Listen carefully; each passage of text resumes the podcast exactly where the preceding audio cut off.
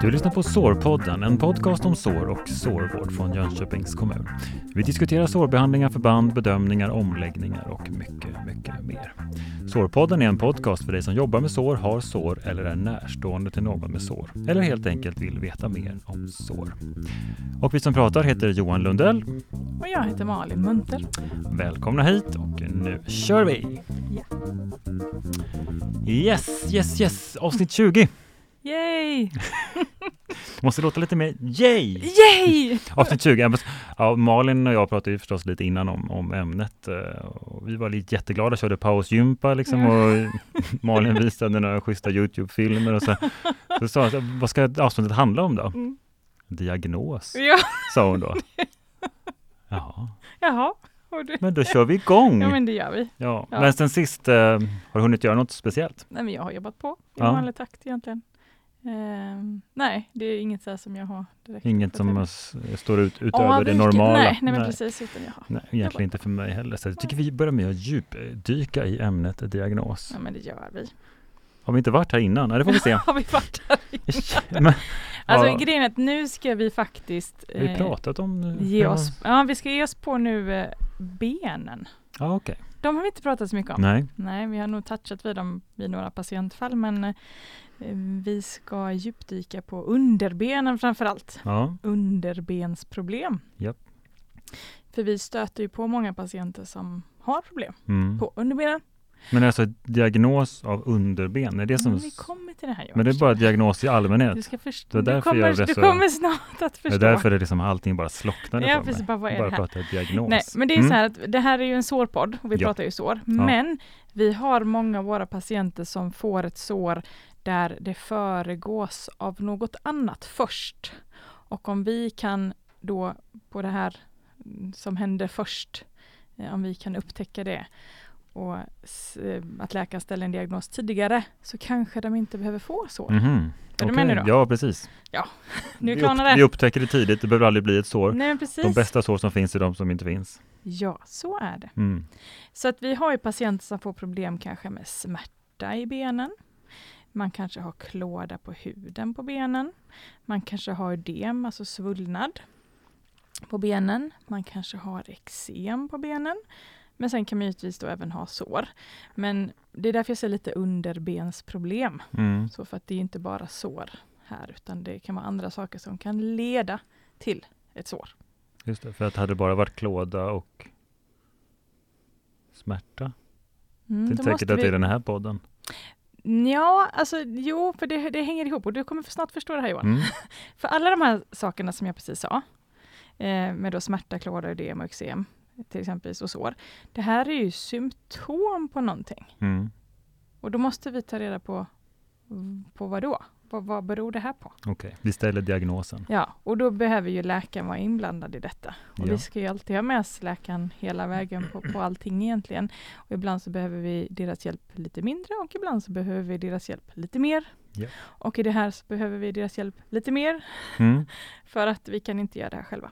Och nu är vi alltså under knät. Nu är vi under knät. Det Precis. är under benen som gäller idag. Ja. Och då har vi eh, i Jönköpings kommun så har vi jobbat rätt så hårt med det här att, och mm, jobbar fortfarande hårt med detta att eh, när man då har ett problem på underbenet så behöver man eh, som sagt vara lite detektiv. Mm. Så att vi vill ju ha, man får jobba lite med uteslutningsmetoden. Och eh, en av de grejerna som vi gör först eller ska göra först det är att vi ska mäta ett ankeltryck. Mhm. Nu kommer det bli tekniskt här Johan. Yes, ja. Ja. men det är kul. Ja. Eh, och eh, då är det så att sjuksköterska eller läkare behöver alltså göra en undersökning av patientens ben med en speciell apparat kan vi säga. Mm. Beskriv ankeln då för oss som inte vet exakt. Det är Ankeln? någonstans nere vid hälen, foten, hål, Där det är liksom ofta som smalast. knölen. Ja, precis. Vadå under? Eh, under, längst ner mot, vad ska man säga, precis innan foten börjar. Baksidan. Här. Nu, nu frångår jag micken här lite. För att visa mig, att- ja, ja, precis innan skon börjar Ja, men typ. ankel. Ja. Ja. Ehm, vad var jag nu? Jo, men alltså, vi behöver göra en undersökning. Mm. Och ehm, vi behöver då ta ett ankeltryck. Och det här ser lite olika ut, vem det är som gör det här. I Jönköpings kommun så har vi väldigt många sjuksköterskor som gör det här. Vi har köpt in sån här apparatur Mm. så att man kan göra detta. Vi har köpt in, tror jag, 12 stycken ehm, till vår kommun. Vissa kommuner har inte sådana här. Och då får man ju givetvis be läkaren om hjälp på vårdcentralen och så vidare. Så att det ser lite olika ut med förutsättningarna. Men det viktiga är att man kommer ihåg att Mm. det behöver göras. Eh, och när vi gör den här mätningen, det kommer att klarna snart Johan, Mm. Jag är helt du är förvirrad. helt förvirrad nu. När vi gör den här Men det är mätningen, inte blodtryck du ska mäta eller? det kan man säga. Ja, Mm. annars Blodtryck på oh, foten. Ankeltryck för mig Ja, känns som att det låter många konstigt. kilo någonting Ja, nej, belastar. nej är inte man det? kan säga att det är ett eh, blodtryck på foten eller på, Ja, okej. ja, Mm. så, ett ankel, ja. Mm, det kan vi säga. Ehm, men eh, när man då gör den här undersökningen så börjar man med att ta ett vanligt blodtryck, det vet du vad det är? Ja, ja, Ja, ja. ja det är klart. Det har jag sett många gånger. har jag sett många Pumpa, gånger. pumpa, pumpa, räkna, räkna, Har du räkna. fått gjort det själv på dig själv någon gång? Nej, Aldrig? nej. Har du tagit ditt blodtryck? På mig själv? Alltså någon annan har gjort det? Ja, Ja, jag menar det. ja jag har ju fått det taget på ja, mig. det var det jag menade. Men jag har inte tagit det på mig själv. Det är Nej, jättesvårt. Då kan man blanda det är ihop sin jobbigt, egen det är puls med jättejobbigt. Men du har fått det gjort så du vet Ja, det. ja, ja. Pumpa, och, det, pumpa. och det börjar vi Stasa, med. stasa. Ja. Precis. Vi börjar alltid med Okej. att ta ett Mm. blodtryck på patienten Mhm. och då eh, när man mäter blodtryck så får man två olika värden Mm. och det är det högsta värdet man ser det systoliska. Det är det som vi skriver på en lapp. Det är det som vi registrerar i den här undersökningen. Och sen när vi gjort det så ska vi då göra om samma sak fast på foten. Ja. Ja, nu, jag ska försöka ta det långsamt. Så att det, Nej, jag är... Alltså det är vanliga blodtrycksgrejen, Ja, gör man på överarmen. ja. Och så har du ett stetoskop på armen. Ja. Men på foten så brukar vi använda då en blodtrycksmanschett och sen så har vi en doppler. Mm. Jag ska visa dig sen Johan hur den ser ut. Så det ska klarna för dig. Kan man göra det utan den här maskinen? Eh, Det är svårt, nu frångår jag micken lite här för jag ska ta fram så för Johan ser ut som ett frågetecken här. Så jag trodde ju att det här med ankeltryck var något helt annat. Men... Det är alltså en liten apparat som man använder istället för ett stetoskop.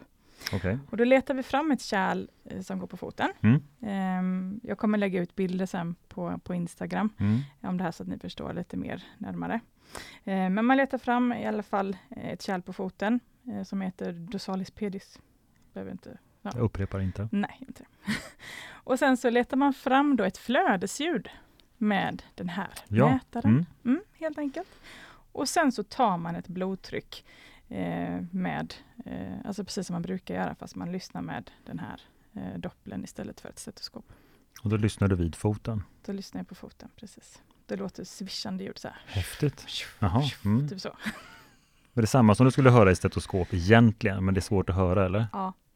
Det är Precis. det som är grejen. Ja.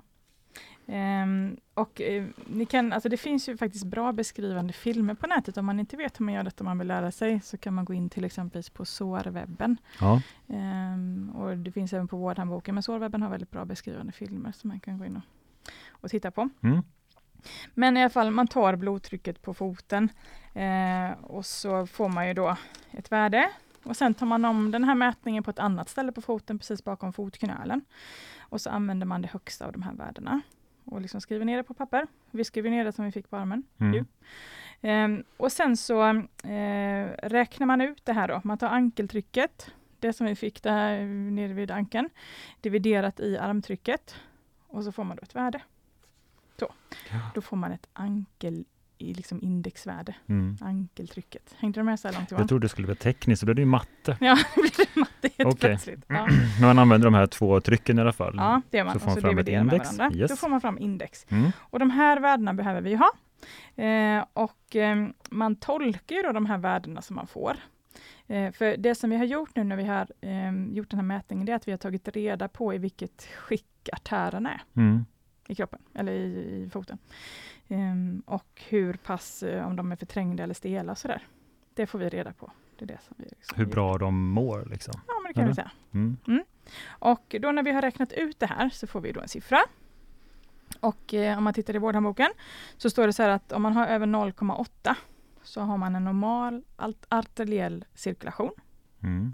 Har vi 0,7 till 0,8 så har vi något nedsatt arteriell cirkulation. Har vi under 0,7 så har vi en nedsatt arteriell cirkulation och under 0,5 då har vi en kritisk ischemi. Det är inte bra. Nej. Nej. då har man inte så mycket tillförsel av frisk blod. Artärerna tillför ju friskt och nytt blod eh, till området. Liksom. Så. Eh, hängde du med på detta? Mm. Var, det krång, var det krångligt tycker du? Nej men alltså ju lägre eh, värde, ju lägre index, ja. desto mer kritiskt är det. Desto sämre är det. Så att det betyder att om det är högt eh, där nere vid foten mm. Så blir det problem. Tvärtom. Du delar den mm. stora med den lilla? Mm. Men man säger så här, ju lägre värde du får i eh, foten i förhållande till, allmän, eh, till armen, ja. desto sämre är det. Okay. Helst vill du ha lika. Så har jag 120 i armen så vill jag ha 120 i foten. Ja, då får du ett som ja, index och då är det lugnt. Liksom. Ett är bra. Men då kommer vi till det här med män nu då. Män. Okej, okay, män. män. Det, är det med E eller med Ä? män, men, men med många E. Män. Okay. Mm. Eh, förutom då att man får det här värdet. Alltså det är väldigt, jag kan säga, det är väldigt många som tycker det här är svårt. Mm. Och, och, jag förstår dem, för det är lite bökigt och man behöver öva på det här för att bli bra på det. Ja.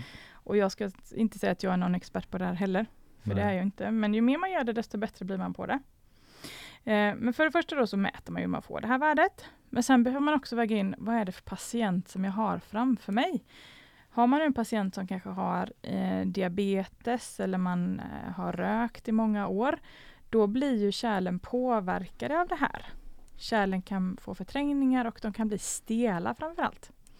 Eh, och är det nu så att jag har ett väldigt stelt kärl och jag försöker att trycka ihop det här kärlet med blodtrycksmanschetten, för det är det vi gör när mm. vi tar ett blodtryck, då går inte det att trycka ihop den. Är okay. du med? För kärlet i sig är så stelt. Det är så stelt. Ja. Och då säger man att man får falska positiva höga värden Aha. som inte riktigt stämmer överens. Ja. Men då måste vi också, vi kan inte bara lita på värdet utan vi måste väga in vad är det för patient vi har framför oss? Är det liksom eh, rimligt? Stämmer det här? Men är det känsligare att man får ett felaktigt värde vid foten än eh, på armen? Eh, ju mindre kärl du har, desto mer, om jag är inte helt ute och seglar nu, eh, desto mer påverkas de. Så det är alltid de här små kapillärerna som vi pratar om, ja. som är känsligast. Ju större här, kärl, kärl du har så är det lite mindre. Och det har man i överarmen där du tar normalt då? Ja, där är det stora, större, ja, grejer. Men det är så typ vid, vid tårna där, då är de ju små, små, små. Ja, och här är vi långt från hjärtat också. Ja. Så det är klart att. Yes. Okay. Sen kan mm. jag faktiskt inte svara på huruvida, jag är ju ingen kärlkirurg så jag kan inte riktigt eh, svara för exakt hur, om man skulle ta där och, och hur det blir, för det liksom, brukar vi inte göra så Nej. på det sättet. Men i alla fall, eh, man behöver väga in det här med, som sagt, vad är det för patient jag har framför mig? Och se, finns det risk? Alltså jag fick ett värde här på 1,1 liksom. Mm. Okej, okay, den här patienten har rökt i 20 år. Nej. Det låter nej, inte rimligt nej. och det är alldeles för högt. Det är för bra liksom. um, så då måste vi ju, om det är nu vi som sjuksköterskor som gör mätningen, så måste vi förmedla det här till läkaren att jag fick det här värdet men jag tänker så här. Och så får man ha en dialog här. Det är ja. jätteviktigt. Ja. Uh, och är man tveksam så, så kanske läkaren behöver skriva en remiss till våran klinfys på sjukhuset och göra en ytterligare undersökning med lite finare instrument som kan se lite mer. Men förutom det här också då, nu har vi gått igenom att man ska mäta, om man ska titta på patientens historik eller anamnes, så ska man också lyssna på hur flödet låter. Ah. Så. Eh, och ni ska få lyssna faktiskt på, på ljud här. Mm. Är det här ljud som kommer ur den här doppeln? Det är ljud som kommer ur doppeln. Men just de här ljuden som ni ska få lyssna på, de det finns andra, på ljud. de inspelade ljud på sårwebben. Då. Okay. Så man, ni kan hitta dem också där. Så att eh, om man ska lyssna på en normal eh, artärpuls, alltså ett normalt flödesljud där det inte finns några stela kärl eller förträngningar, så låter det typ så här.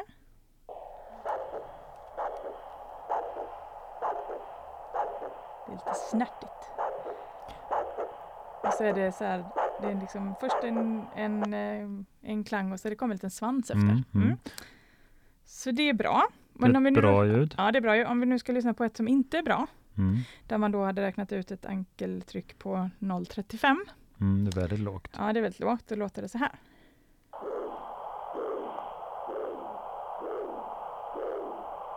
Det är liksom entonigt. Ja. Lite mer stumt. Så. Det låter lite otäckt tycker jag, själva ljudet i sig. Men, det men de här kan man alltså gå in och lyssna på på sårwebben. Gör mm. gärna det, för, alltså innan ni ska gå och mäta hos en patient. Lyssna och så mm. jämför mm. ni. Och sen återigen ha en dialog med läkaren. Att jag fick värdet, eh, det här är den här patienten, ska vi väga in detta och hur kan det stämma överens? Och så här lät det. Men först värdet Mm. och sen lyssna? Eller Nej, alltid, vi gör ju allt. Liksom. alltid lyssna? Ja. Ja. har ni hörlurar då till den här doppeln eller? Nej, man Högtalare? använder det som det. Jag tänkte vi ska prova den sen. I... Ah, kul, spännande, roligt. Ehm, yes, Mm. och så lyssnar ni och sen så gör man en Ja, bedömning. så alla de här grejerna måste man väga ihop. Du kan inte bara använda det värdet. Nej. Utan du måste väga ihop patientens anamnes och hur låter det? Och så pratar vi med läkaren Mm. och så får vi se sen vart vi hamnar. Yes. Ehm, och som sagt, är det nu så att patienten behöver vidare utredning, vi är osäkra eller ja, vad det nu skulle kunna vara, då är det ju Cleanfys då som man skickar en remiss till. Eh, för man kan säga så att det här värdet nu då som vi får, om vi säger att nu fick jag det här värdet och jag kan lita på det och, och så, det är inga tveksamheter. Då kan man tänka att, vad ska man säga, ankeltrycket är som en, eh, om en patient har ett problem nu då på underbenet, eh, oavsett om det finns ett sår eller inte. Så vi är vid en, vi är vid en väg och så har vi tre håll som vi kan svänga åt ungefär. Mm. Eh, vi kan svänga åt vänster, rakt fram eller höger. Och sen så har vi en bom innan vi kan välja åt vilket håll vi ska gå. Och den här bommen, och den är då för att representera ankeltrycket, att vi kommer inte förbi, vi kan inte gå vidare om inte vi har tagit det här. För det här styr väldigt mycket vad vi ska göra. Mm. Så ta ankeltrycket, sen går bommen upp. Sen går bommen upp Ja. och då kan vi välja väg beroende på, eh, det står liksom skyltar typ så här att här var ankeltrycket så här och då går det hitåt. Ja, eller- så ja. det är det första momentet Ja, som man alltid att- måste göra för att ställa den här diagnosen. För, ja, då. för det är ju om man har nedsatt arteriell cirkulation så eh, vi kan ju inte fixa patientens cirkulation utan det måste ju en kärlkirurg titta på. Och liksom, om vi då gör den här undersökningen först ibland så upptäcker vi faktiskt patienter som vi inte hade en aning om hade eh, försämringar i sina artärer. Ehm, där vi då kanske kan hindra ett dåligt förlopp om patienten får träffa kärlkirurgen. Man kan göra olika ingrepp och så vidare. Eh, Men om vi inte hade gjort den här mätningen, då hade vi inte fått reda på det just då, utan kanske först upptäckte när patienten hade fått en svart tå. Mm, precis. Liksom. Så att, är du med på Men tankegången? era, era signaler för att sätta igång den här eh, diagnos, att ställa den här diagnosen, Mm. det är de här vi sa i början då som Ja. klåda, ödem, eh, Precis, Ja. ja. någonting resten. så, smärta. Mm. Och därför så är det första man gör Det är egentligen. bland det första vi ska göra, ja. ankeltryck. För att liksom utesluta, för det är en väldigt allvarlig diagnos. Och då vill man ju liksom kunna utesluta den. Eh, eller få ett svar att så här, så här ligger det till. För att eh, som sagt, har du nu ett bra ankeltrycksvärde och inget, och nu, ja, alla parametrar och sånt Ja. runt omkring var bra. Eh, vad bra, då vet vi ju det. Att det var det inte den. Då kan vi liksom plocka bort den delen. Och så tittar man på många andra faktorer som vi ska eh, prata om i program längre fram. Mm. Ehm, men till exempel det här med kompressionslinder och så vidare kan man ju dra igång med då. Till exempel. Men är det nu så att det finns en viss påverkan på den arteriella sidan, ja men då får man ju ha en dialog med läkaren och patienten huruvida man kanske ska ja, då ta en remiss till kärlkirurgen eller inte. Beroende på helt patientens förutsättningar då. Och eh, även där så har patienten väldigt dåliga ankeltrycksindexvärden så är det ju en jättevarningssignal att eh, alltså, du har liksom nästan ingen tillförsel av friskt blod till dina fötter. Så det här kan på sikt innebära ja, mm, väldigt dåliga saker om Ja, du inte får precis. hjälp. Ja. Eh, så det är verkligen, vi måste tänka på det som vägbommen och sen innan alltså, vi har gjort det så kommer vi inte vidare. Nej. Det, det blir det blir fel liksom. Vi, det, vi gör fel. um, och det här är någonting som jag tror att många behöver jobba med. Eh, för man gör inte det här. När jag pratar med kollegor runt om i landet så som sagt har man ju olika förutsättningar. Och det är klart, har du inte ens någon ankeltrycks eh, eller liksom en doppler eh, så blir ju allting mycket svårare. För då måste ju alla patienter passera vårdcentralen. Eller att man måste låna då från vårdcentralen. Det tar ju också tid att åka och hämta och grejer sådär. Men att göra den här första, eh, att använda doppeln, det gör Mm. du och ni själva liksom. Ja, det gör vi Men själva. alltid med kontakt med läkare innan eller? Nej, det är inte Nej, säkert. man, man bestämmer att nu ska vi ta det här. Ja, vi har ju som sagt inköpt Ni det. har eg- egna Ja, grejer. Och är man osäker på något så brukar man höra av sig till mig så kanske jag också åker dit och kollar eh, och lyssnar. Och sen eh, tar vi kontakt med läkaren och förklarar att eh, så här var det eller så här lät och, och Ja. så. Och så slår vi våra kloka huvuden ihop. Spelar ni in ljudet då? När ni... Nej, det gör vi inte. Nej. Inte just nu i alla fall. Nej. Jag tänker det är lättare att spela upp det sen. Men det ja, kanske men det, det var faktiskt en väldigt smart idé. Det där tror jag ska... Ja. Gud vad du är bra Mm. Johan. Kan ni ta med i journalen också? ju. Ja, ja, det är jättebra. Faktiskt. Det ska jag göra. Nej, men så det är ändå viktigt att komma ihåg att vi får inte glömma det här. Och det är också, står i båda boken tydligt att det här är någonting som vi ska jobba med. Eh, och alla hudläkare och, och kärlkirurger vill ju också detta. Vi behöver få ett värde och så får vi liksom gå vidare efter det. Mm. Man behöver öppna upp för en dialog och se vart vi befinner oss. Och sagt, vi har ingen röntgensyn. vi, Ja, nej. nej. Och det finns ju bra apparatur som man kan använda. Så ja, gör ni inte det så försök att ha ett förbättringsarbete. Precis. För det är ju så här att har man eh, besvär på underbenen så, så kan det ju bero på olika saker. Och de vanligaste typer av, om man säger sår, som vi stöter på när det gäller underbenen är venösa bensår eller venös insufficiens som vi kallar det. Eh, sen har vi då arteriell insufficiens och diabetessår. Vad är in- insufficiens? Ja, Då inte- funkar det, det inte. funkar inte. Det räcker Nej, med att säga arteriella så. sår. Ja. Sen har vi blandsår. Och venös, venösa, då är blodet på väg tillbaks. Ja, precis. Arteriell på väg ut. Ja, precis så är det Johan. Mm. Bara så att vi vet Ja. att, att jag, att jag har snappat upp något här. Ja, vi kommer prata om det här lite mer längre fram. Men sen har vi givetvis även de här blandsåren där man både har venös och arteriell. Det är lite bökigt. Ehm, sen har vi då cancersår. Vi har vaskulitsår och sen har vi något som heter pyodermasår men de är lite mer ovanliga. Men det är oftast de som vi stöter på. Och då när vi gör det här ankeltrycket så har vi liksom tagit bort den eller fått ett klart svar att ja, det är den här. Men sen är det alltid så att patienter kan ha blanddiagnoser. Eh, och det är ju svårare givetvis. Mm. Men eh, det här är en del i att ta reda på vad det är för någonting. Sen kan man titta på olika saker som jag ska förklara i nästa avsnitt. Ehm, som vi också kan få ledtrådar på. Men det här med ankeltrycket är jätteviktigt.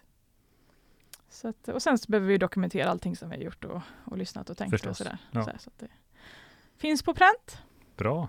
Ja, det var typ det. Det var diagnosen. Ja. Ja, härligt. För, förstod du något? Ja men det gjorde jag. Ja men till slut. Alltså, det, Till lät slut. ju, det lät ju inte jättekul i början men Nej. jag tycker det blev bra. Ja. Framförallt det här med lite prylar och sånt. Ja, lite prylar. Det är alltid kul. Vi ska väl köra ett, ett eh, patientfall lite senare i Mm. programmet. Mm. Men innan dess, Så, ett förband kanske? nej, det, fast idag blir det inte förband, för idag så blir det en doppler. Ah, just det. Ja. Ja, men då kör vi den. Mm.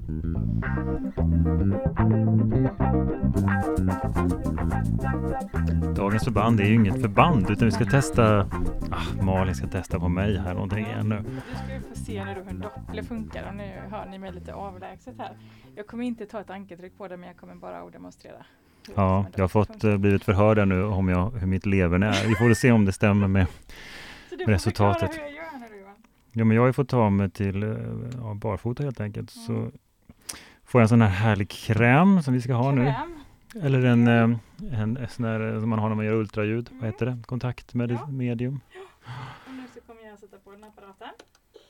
Ja. Jag är ju alldeles nervös. Märks det också i? Den var jättecool.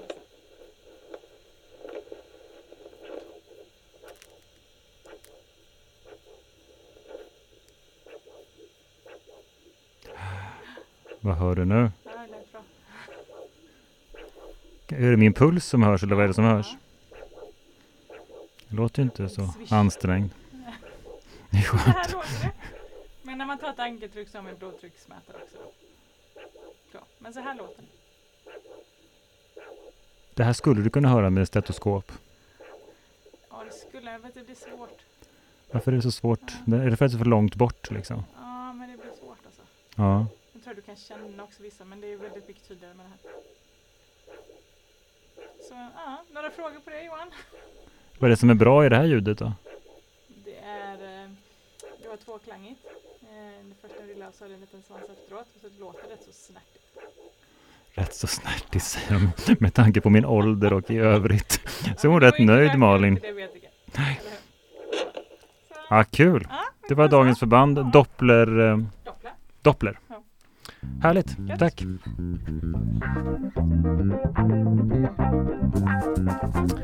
Vi har kommit fram till eh, dagens fråga. Du kan också ställa din fråga på sårpodden att jonkoping.se på mejl eller via vårt formulär på webben jonkoping.se sarpodden. Ja. Och dessutom så har ju studenter ställt frågor som Malin har träffat. Mm. Eh, jag tar den först kanske. Beslutsångest. Ja, det är svårt det där. När ska vi avlägsna skorpor, hinna, på ett sår för bättre läkning? Mm. Har vi fått in en fråga från en student. Ehm, då ska vi se om jag kan tolka detta rätt. Alltså det är så här, om eh, vi har en patient till exempel som har ett ja, venöst bensår. Så brukar det bli inte bara på såret utan även på huden bredvid. Är det så, alltså torrt och fnasigt och gammal hud. Mm. Eh, hornlagret eh, som stöts inte bort, det sitter kvar. Och eh, om man inte tar bort det här så blir det bara som björkstam på huden. Jaha, ja. Det bara byggs på, det blir som elefanthud på, det blir jättehårt. Så att när man känner på huden, och det är jätteviktigt att man verkligen känner på patientens hud, att eh, det ska vara mjukt. Och är det hårt någonstans så ta en pincett och liksom testa och, och få tag i någonting. Eh, oftast går det liksom att plocka bort massa död hud. Då. Eh, så det, och det ska vi göra. För Mm. att smörjer vi på det här stela hårda så lägger det bara som ett lager ovanpå. Ja, det kommer inte in till huden. Ja. Så det är inte bra. Och sen likadant um, vissa um, alltså sårkanter blir också lite hårda. Då kan man försöka vara där och eh, gnaga lite, eller på att säga, med pincetten och, och skrapa lite. ehm, för att få bort, för vi vill ha liksom mjukt. I, I dött och hårt kan det liksom inte växa någonting. Men som vanligt måste man vara superförsiktig. Ja men det ska man ju vara. Och, Man, alltså, det var som jag sa till, till studenterna eh, som jag hade eh, med mig sist, att man får liksom med, med hård varsam hand. Liksom. Det ska vara hårt men ändå varsamt. ja. Så att man ska inte skada någonting. Eh, Men ofta så blir det, när man väl liksom har börjat och, och pilla lite på det, så märker man rätt så snabbt vilket det är som man ska ta bort och inte. Och sen är det här rengöringen i sår, är ju jätteviktig Mm. eh, överhuvudtaget. Så ja, Men sårskorpan, om man säger en sårskorpa i sig, gör den någon nytta för att skydda? alltså nu, nu är ju detta en podd om svårläkta sår, Ja. så att om du slår dig på, på knät liksom, Ja. så, så blir det en sårskorpa, låt den vara till den ramlar av. Liksom. Ja. Men det, det ser inte riktigt ut så när det gäller svårläkta sår, Nej. tryck och bensår. då. Yes. Nästa fråga. Mm. Vad är de vanligaste, inom citationstecken, misstagen man gör i samband med sårvård? Egentligen precis det som jag pratat om, att man inte rengör ordentligt, att man inte lägger tillräckligt mycket tid på det. För det är den viktigaste delen i en såromläggning.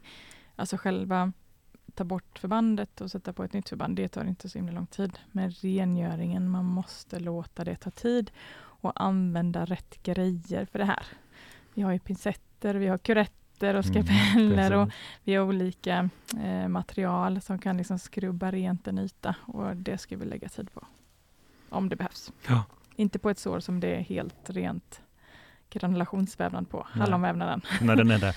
Nej, men det är som när man målar om hemma. Så Ja. Grundarbetet är Ja, men jätteviktigt. det är ju det. Ja. För utan det så kommer vi ingenstans. Det här kommer inte bli bra. Och stå inte och duttla med några små, små torkar och plastpincetter. Använd era händer och, och mycket vatten och kompressor och få Ja. rent ordentligt.